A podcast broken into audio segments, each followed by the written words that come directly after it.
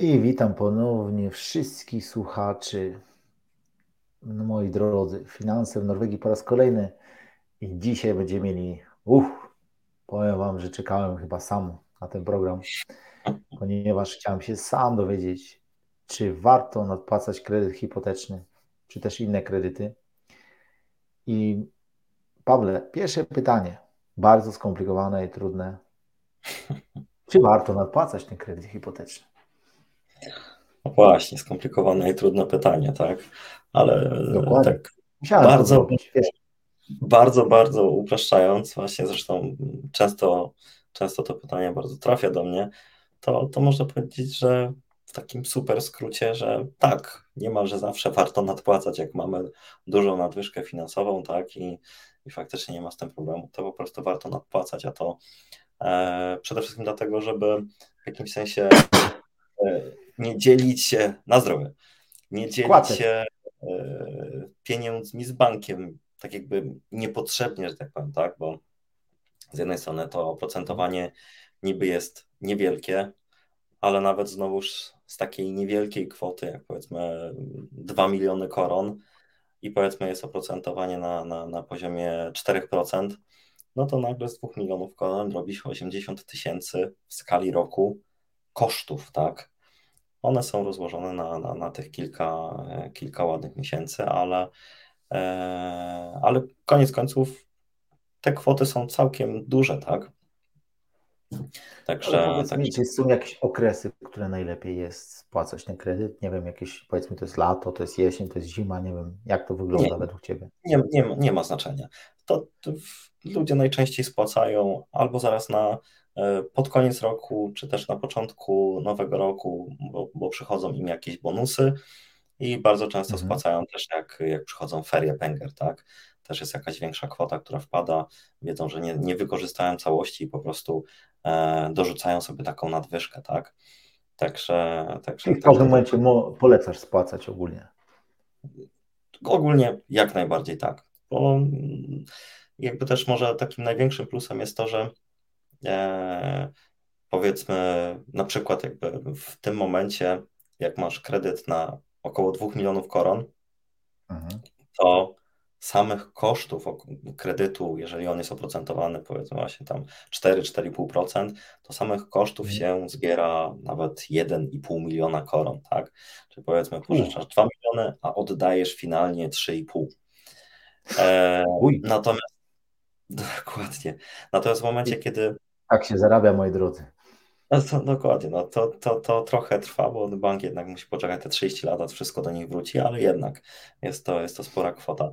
I jakby to, co jest fajne z takim nadpłacaniem, w zasadzie we wszystkich takich klasycznych kredytach, które, e, które nie są, gdzie to oprocentowanie nie jest zawieszone na stałe, bo tam jest, e, tam są troszeczkę inne zasady, e, to jeżeli właśnie mamy taki koszt całkowity, powiedzmy milion pięćset tysięcy, tak, tak, Mhm. tak gdzieś tam szacujemy, i powiedzmy w pierwszym roku wpłacimy 10%, bo nagle mamy 200 tysięcy nadwyżki i wpłacimy te 200 tysięcy z tych 2 milionów, to Mhm. można bezpiecznie założyć, że całościowy koszt nam też o 10% spada. Jeżeli mamy 1500, milion y, 500 kosztu i wpłacimy te 200 tysięcy, to też te milion 500 zmniejszy się o 10%, czyli tak jakbyśmy Dobra. nagle po wpłacie 200 tysięcy byli 150 tysięcy do przodu, tak? W skali 30 lat. Wow, to już jest coś, powiem Ci. To już jest coś, także jakby ten, to nadpłacanie ma największy efekt, zwłaszcza kiedy zaczynamy to robić na samym początku, e, w tych pierwszych latach posiadania kredytu, tak, bo wtedy ten, ten efekt jest e, najbardziej odczuwalny, tak, bo jakby każda spłacona korona nie zostanie później przez te 30 lat czy 30 razy przemnożona razy 4%, gdzie za każdym razem ten procent każdego roku idzie do banku, tak. A jest też tak, że ta stawka mi kredytu wtedy się zmniejszy, na przykład? Czy Znaczy zostaje to- na tym samym poziomie?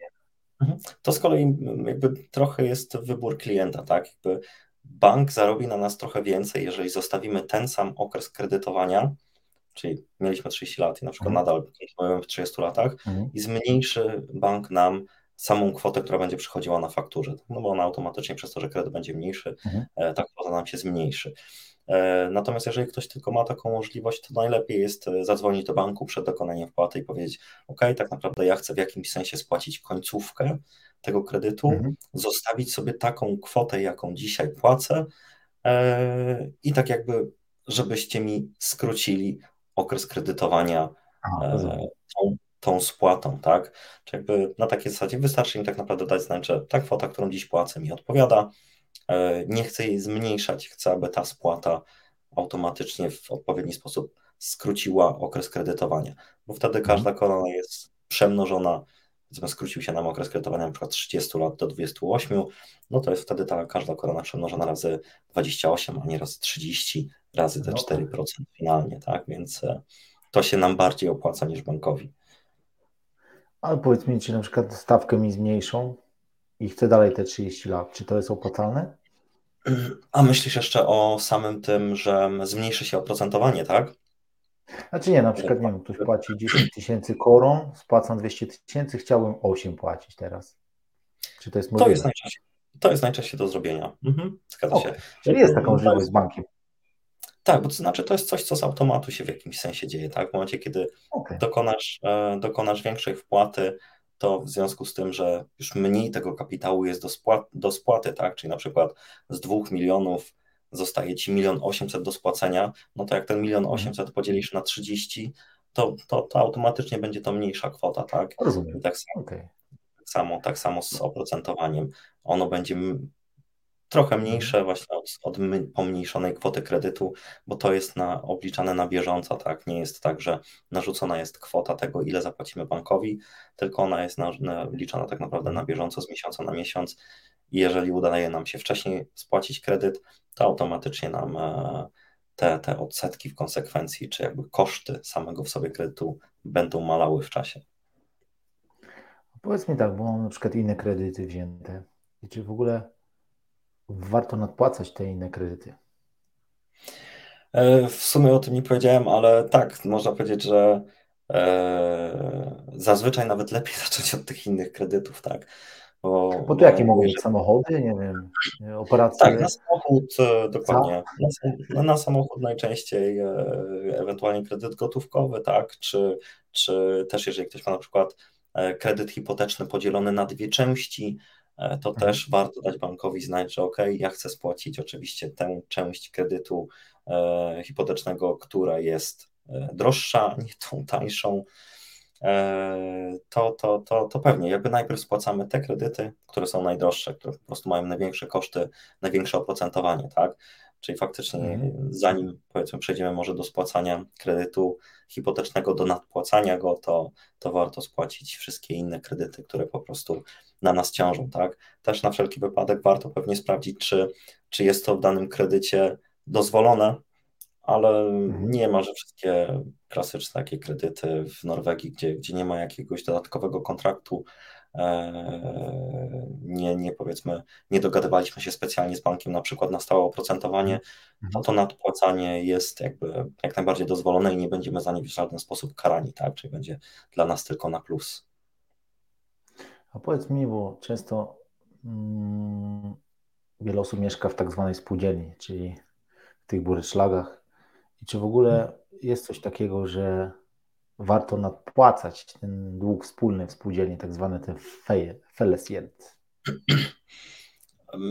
Można powiedzieć, że generalnie tak, chociaż nie zawsze. To już tak naprawdę, jak, jak z kimś rozmawiam o tym Felesiel, na podstawie Felesiel, to tam musimy tak naprawdę trochę dłuższą rozmowę przeprowadzić, bo, e, bo jeżeli ktoś na przykład będzie w danym miejscu mieszkał najprawdopodobniej jeszcze 10 lat albo i więcej i traktuje Mhm. swoje mieszkanie jako pewnego rodzaju skarbonkę, tam wkłada te pieniądze, to jest dla niego najprostsze, najbardziej logiczne, to, to ten feles jest, felesiel można spokojnie spłacić, tak? Natomiast też najczęściej dopiero jak spłacimy wszystkie inne kredyty, włącznie ze swoim kredytem hipotecznym, tak?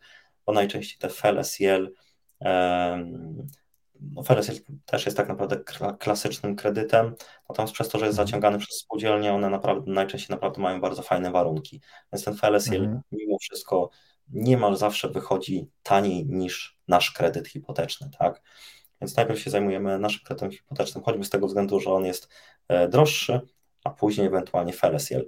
Tylko to, to, to, z czym trzeba uważać, to to, że jeżeli przykładowo my zaoszczędzimy 200 tysięcy koron, to, mhm. to mamy te 200 tysięcy koron, tak? Natomiast jeżeli spłacimy 200 tysięcy długu wspólnego mhm. i sprzedamy za jakiś czas naszą nieruchomość, to wcale nie znaczy, że po spłacie tego długu wspólnego, tych 200 tysięcy koron, że my dostaniemy za tą nieruchomość o 200 tysięcy więcej. To jest taki dosyć Aha. dziwny, powiedzmy, paradoks, ale jeżeli wystawiona zostaje nieruchomość za 3 miliony koron i ma 200 tysięcy długu wspólnego, a nasza jest wystawiona za 3 miliony 200 i ma zero długu wspólnego, to ta druga nieruchomość może się sprzedać szybciej, a nasza może się sprzedać na przykład za 350. Teoretycznie Aha. suma jest taka sama, ale do pewnego stopnia można powiedzieć, że czasami troszeczkę łatwiej kupić nieruchomość, e, która, która ma ten dług wspólny, tak. Choćby może nawet pewnie od strony psychologicznej nie jest to do jak z tego powodu, ale tak po prostu jest. Dług wspólny lepszy jak. Słuchaj, rozmawialiśmy tutaj o pozytywach, dlaczego warto, plusy, same plusy, ale odwróćmy tą stronę medalu. Co sprawia, że nie warto nadpłacać kredytu na przykład hipotecznego? No tak już, jak już e, przed chwilą rozmawialiśmy, to chyba przede wszystkim, jeżeli ma się jakikolwiek kosztowniejszy kredyt, tak? E, czy coś, coś, co nam po prostu mocno ciąży. Drugą taką rzeczą, no to przynajmniej z mojej perspektywy, to jednak warto mieć jakiś tam bufer bezpieczeństwa, tak? Każdy ma inną kwotę, dla jednego to będzie 30 tysięcy koron, dla innej osoby to będzie 100 tysięcy koron, ale też e, pewnie warto sobie najpierw zrobić ten, ten bufor bezpieczeństwa, tą taką poduszkę, tak? Mhm. E, gdybyśmy stracili pracę, gdyby cokolwiek się stało ze zdrowiem, to, to, to żeby się zabezpieczyć. E, mhm. Co jeszcze? Jeżeli mamy jakieś inne inwestycje, gdzie, gdzie mamy dosyć dużą pewność tego, że dostaniemy więcej z takiej inwestycji niż na przykład 4%, jeżeli na to jest nasze, nasz kredyt oprocentowany, tak? Jeżeli mhm. włożymy, e, włożymy jakąś tam kwotę w inwestycje i, i będziemy mieli dużą pewność tego, że na przykład z niej wyciągniemy 10%, no to ona ma większy sens niż spłata kredytu, tak? Natomiast mimo wszystko jakby bardzo często ludzie wybierają spłatę kredytu, bo, bo jest to tak jakby gwarantowany zysk 4% mhm. i już i tutaj nie ma, nie ma żadnego ryzyka, nie ma możliwości błędu, tak? Więc jest to taka, taka inwestycja, taki, taki pewniak. A jeszcze taką jedną rzeczą, która, którą czasami widzę i, i faktycznie warto o nie pomyśleć, to jeżeli ktoś e, w, ma w planach kupić samochód, na przykład mhm. za dwa lata, to też lepiej nie, nie wpłacać jakiejś zupełnie takiej dużej kwoty, czy jakby wszystkiego na ten kredyt hipoteczny, po to, żeby później mhm. wziąć e, samochód i na przykład kredyt, e, kredyt na ten samochód z oprocentowaniem 9%, kiedy mamy nas na, e, na mhm. kredycie hipotecznym 4, tak? no bo to wtedy też nie do końca ma sens. Powiedz mi tak, bo na przykład ja byłem w planie zakupić kolejną nieruchomość i powiedz mi, co jest bardziej opłacalne? Gotóweczka czy zastaw domu, zabezpieczenie domu? E, kurczę, to, jest to pytanie. Też, to też to takie pytanie, gdzie, gdzie trochę zależno, nie? Znaczy zawsze mówią, że cash is the king, tak? Jednak nie, coś takiego. cash flow is the king, tak słyszałem. To, to, to król, tak, ale znaczy mm, kurczę, e, tak jeżeli miałbyś kupić na przykład tą nieruchomość za 2-3 lata, to może faktycznie nie warto trzymać tej gotówy przez 2-3 lata na koncie, bo ona w jakimś sensie tylko na wartości będzie traciło, tak? A, a można po prostu spłacić część tego kredytu i jakby już przez te 2-3 lata oszczędzać. E, I w punkcie wyjścia można powiedzieć, że ta kwota wpłacona na nieruchomość, e, ona będzie najzwyczajniej w świecie jeden do jednego stanowiła zabezpieczenie tej nowej nieruchomości, tak?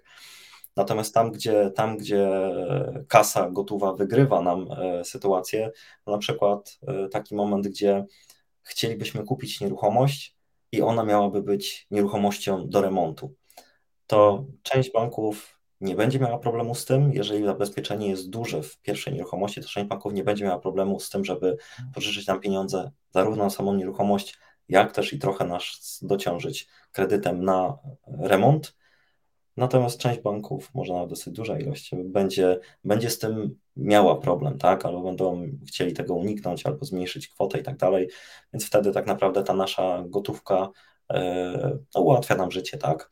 Po prostu mówimy bankowi, że słuchajcie, kupujemy tę nieruchomość za 2,5 miliona, w niej trzeba dużo zrobić, ale my mamy 500 tysięcy swojego wkładu i po prostu kupujemy tę nieruchomość, od razu ją remontujemy, tak? Także to jest chyba... takie pytanie do Ciebie. Co jest bardziej opłacalne? Zainwestować w kolejne na przykład mieszkanie, wynajmować je, wiadomo, niech się spłaca kredyt, czy na przykład spłacić sobie te obecne, które mamy, bo na przykład mam 500 tysięcy korów wkładu własnego. I nie wiem, co zrobić. Czy spłacić ten swój kredyt, płacić na przykład 5 tysięcy zamiast 10 tysięcy korów, tak tylko przykładowo podaję, mhm, czy wziąć mhm, kolejne mhm. mieszkanie, na przykład płacić 13, 14, ale mieć dwie nieruchomości. Jak Twoim zdaniem, Ty obserwując rynek, co się bardziej opłaca? Przy tej inflacji oczywiście, co się szaleje. Też Ci mhm. kolejne trudne pytania zadałem. A czy też, też trochę zależy od osoby i od jej sytuacji, ale tak yy, myśląc o tym na przykład w perspektywie bardziej 10 lat niż krótkiego tak. okresu, to, to zdecydowanie druga nieruchomość. Jakby, bo te nieruchomości tak bardzo mocno i stabilnie, zwłaszcza biorąc perspektywę kilku, kilkunastu lat, tak mocno idą w górę, że po prostu można w jakimś sensie powiedzieć, że nawet Norwegowie, oni nie do końca się bogacą na tym, że E, że dużo zarabiają, mają tą swoją główną nieruchomość i tak dalej i ją spłacają, mhm. tylko właśnie na tym, że te nieruchomości cały czas rosną na wartości, tak? E, tak jak e, dzisiaj rozmawiałem z klientem, który kupił nieruchomość za 2 miliony 800, trochę ją musiał mhm. podremontować, owszem, ale, ale trochę ją musiał podremontować, kupił ją za 2 miliony 800 3 lata temu, a w tym momencie została ona wyceniona na, na 4700, tak? Czyli po prostu to, to, nie jest, to nie jest naturalny wzrost, to nie jest jakby normalne, tak? Wiadomo, nie, no wiadomo. Też, też, było, też była praca włożona, natomiast mimo wszystko e, no, tak niesamowity wzrost, no, to nie jest coś, co da się, no, prawie że niemożliwe jest osiągnąć w inny sposób, tak? E, zwłaszcza w niektórych tam okresach, także że zdecydowanie druga nieruchomość i mieć dwie nieruchomości, które sobie rosną na wartości i ta druga nieruchomość też będzie automatycznie taką skarbonką, którą tak naprawdę E, będzie można w każdym momencie rozbić, tak? E, niech sobie tam kredyt główny na te 10 tysięcy koron miesięcznie leci, e, a my zdecydujemy, że chcemy 3 lata latać po świecie i sprzedajemy za na przykład te 10 lat tą naszą drugą nieruchomość, wyciągniemy z niej, niech będzie 3 miliony w gotówce i latamy 3 lata, gdzie chcemy.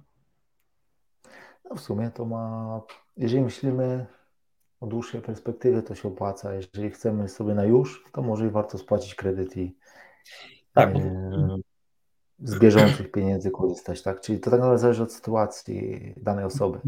Dokładnie, można tak powiedzieć też. Ja nie wiem, czy ty się, Paweł, zgodzi, że w dzisiejszych czasach mieć pieniądze na koncie to tak naprawdę są, użyję do pięknego słowa, gówno warte.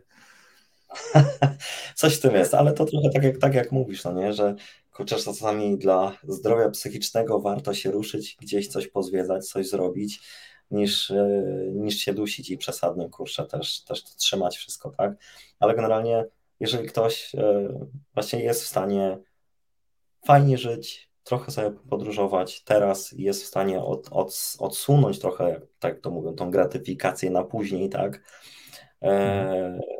a teraz, teraz, teraz nie żyć aż tak powiedzmy rozrzutnie, to, to fajnie jest zainwestować w taką drugą nieruchomość. Natomiast inwestowanie tych pieniędzy w tym momencie w swoją własną nieruchomość, spłacenie kredytu i na przykład zamiast płacić 15 tysięcy miesięcznie, płacić 10 e, tysięcy miesięcznie, też świetna sprawa. Tak czy inaczej bardzo pomaga e, i, te, i te, te, ta, ta kwota, którą zapłacimy mniej każdego miesiąca, ona też może iść po prostu na oszczędności, tak, albo faktycznie możemy sobie więc, na, pozwolić na więcej. Także tak czy inaczej, czy to będzie jak, jakaś tam, czy to oszczędności, czy właśnie zastaw w nieruchomości będzie wykorzystana na kolejną nieruchomość, czy też jakby po prostu spłacimy część z tego, co mamy, będziemy na tym w punkcie wyjścia zdecydowanie do przodu. I tym miłym akcentem, moi drodzy, kończymy dzisiejszy podcast. Pawle, bardzo Ci dziękuję. Pamiętajcie, moi drodzy, żeby y, wchodzić na blog i finanse w Norwegii. Tam dużo będzie ciekawych artykułów, będą podcasty, więc y, pamiętajcie, żeby podążać za nami. Nieważne, czy lubicie, czy hejtujecie, ważne, żebyście oglądali, bo myślę, że każdy coś dla siebie wyciągnie. Paweł, dziękuję Tobie jeszcze raz. E, pozdrawiam Was serdecznie, no i co? Do następnego razu.